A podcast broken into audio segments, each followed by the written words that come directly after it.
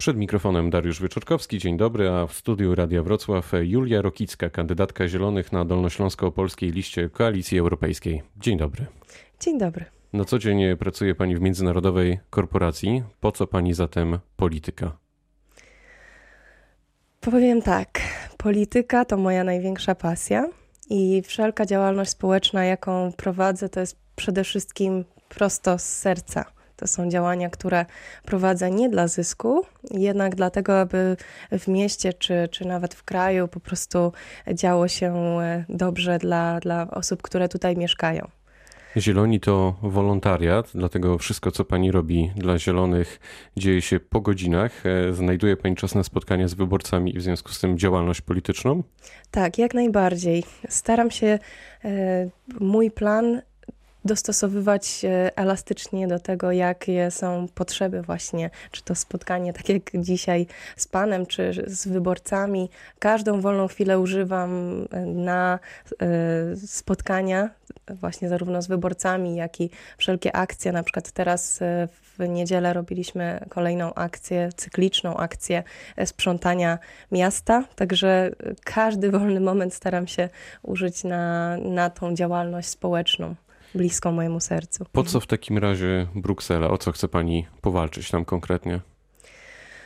Jeśli chodzi o działalność społeczną tutaj oddolnie w mieście, jest to oczywiście bardzo przydatne, natomiast zawsze jest potrzebne, aby wszelkie działania były też e, na, prowadzone na poziomie polityki, bo kiedy jest to e, uregulowane prawnie e, i zabezpieczone odpowiednim budżetem, jest, są o wiele większe możliwości, aby działać. Więc ja akurat mam już doświadczenie kilkuletnie właśnie w pracy w instytucjach Unii Europejskiej, w Parlamencie Europejskim i w Komitecie Regionów. I jestem, mm, wiem, jak zabezpieczyć polskie interesy tam. Wiem, że potrzebujemy zabezpieczyć bardzo spory budżet na radzenie sobie na przykład z wyzwaniami, które się tutaj pojawiają, przede wszystkim ze smogiem czy z odpadami. Na przykład Komisja Europejska, Unia Europejska chce przeznaczyć 8 miliardów e, euro na to, żeby pomóc Polsce walczyć ze smogiem i powalczyć o czyste powietrze. Natomiast to będzie zależało tylko od tego, jeśli odpowiednie zmiany e, w prawie wprowadzimy.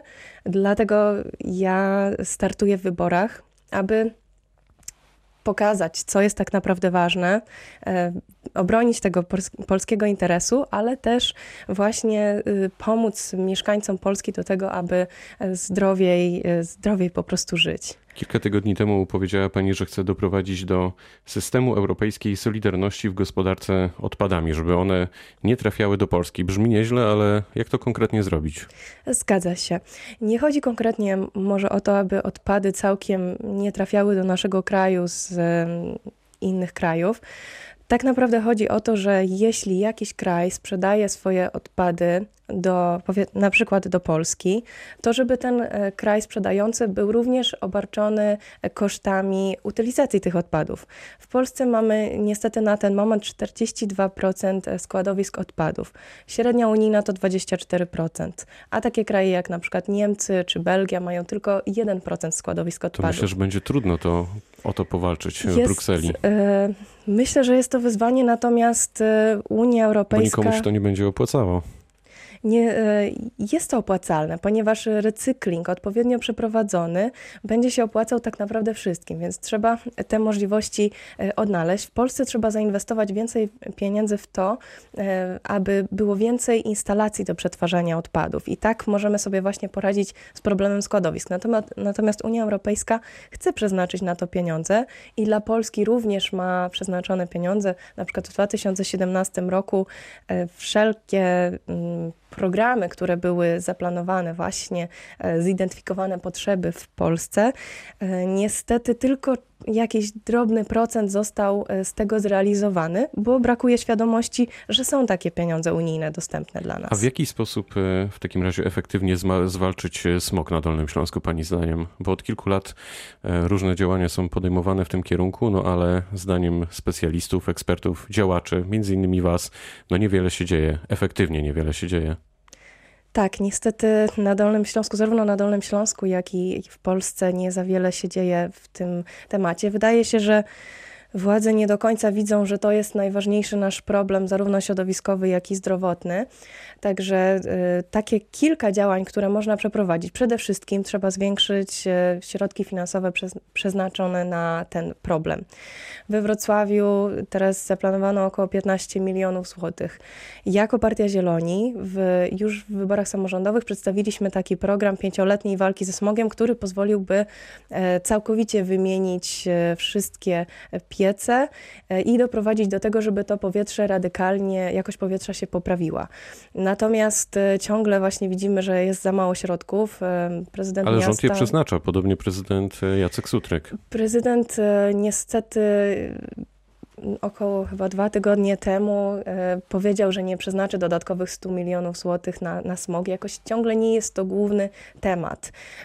To powinno być przede wszystkim priorytet, e, nawet przed, e, przed komunikacją miejską, bo tutaj chodzi o życie ludzi. Umiera około 44 tysiące osób rocznie w Polsce z powodu smogu. I pewne działania, które można przeprowadzić, to jest przede wszystkim inwentaryzacja źródeł ciepła. Na przykład we Wrocławiu wiemy o tym, że około połowa e, tych mieszkań, które mają e, źródło właśnie e, ciepła pochodzące z, z piecy, z pieców niestety należy do zasobów komunalnych miasta, więc to tak naprawdę pierwszy krok to zorientować się, ile w ogóle jest tych źródeł ciepła.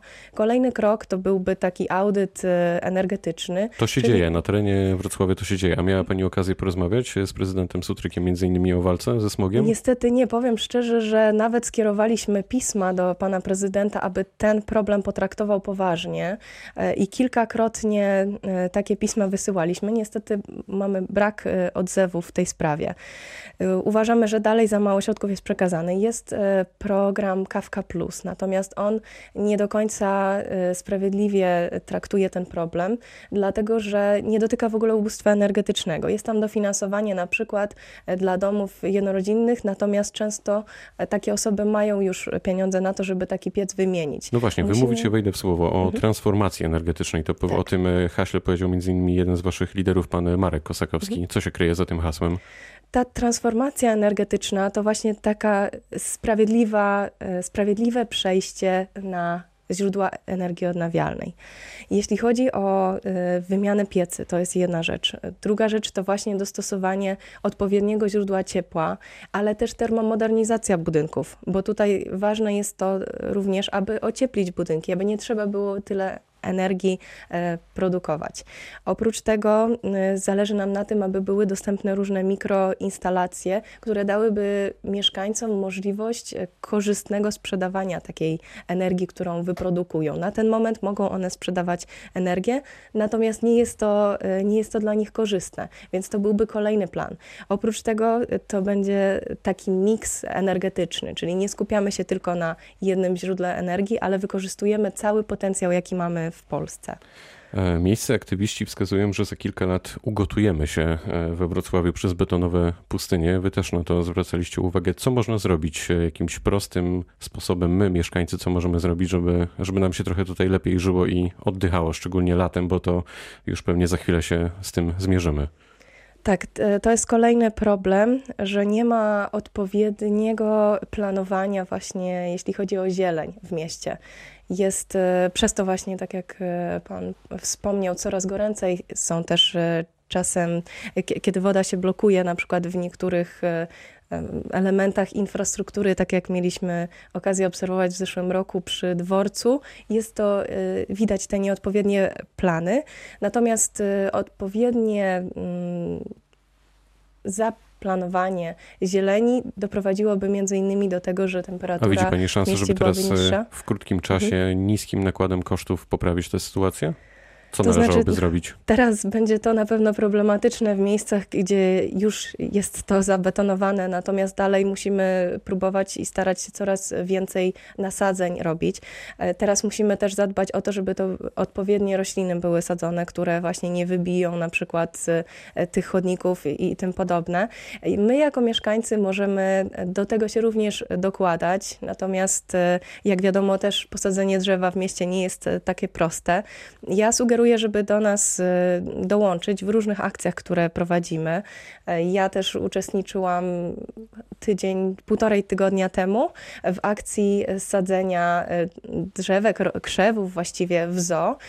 Z różnymi organizacjami społecznymi można się przyłączyć do tego, żeby takie nasadzenia prowadzić. Natomiast też trzeba uwzględnić tą zieleń w planach w planach miasta, planach zabudowy, bo bez tego niestety nowe nasadzenia nie dadzą nam takich rezultatów jak na przykład stare drzewa, które niestety są wycinane. Dlaczego się zdecydowaliście na wspólny start e, z koalicją europejską? Nie boi się, że nie boi się pani, że Grzegorz Schetyna was wchłonie po wyborach, że znikniecie po prostu?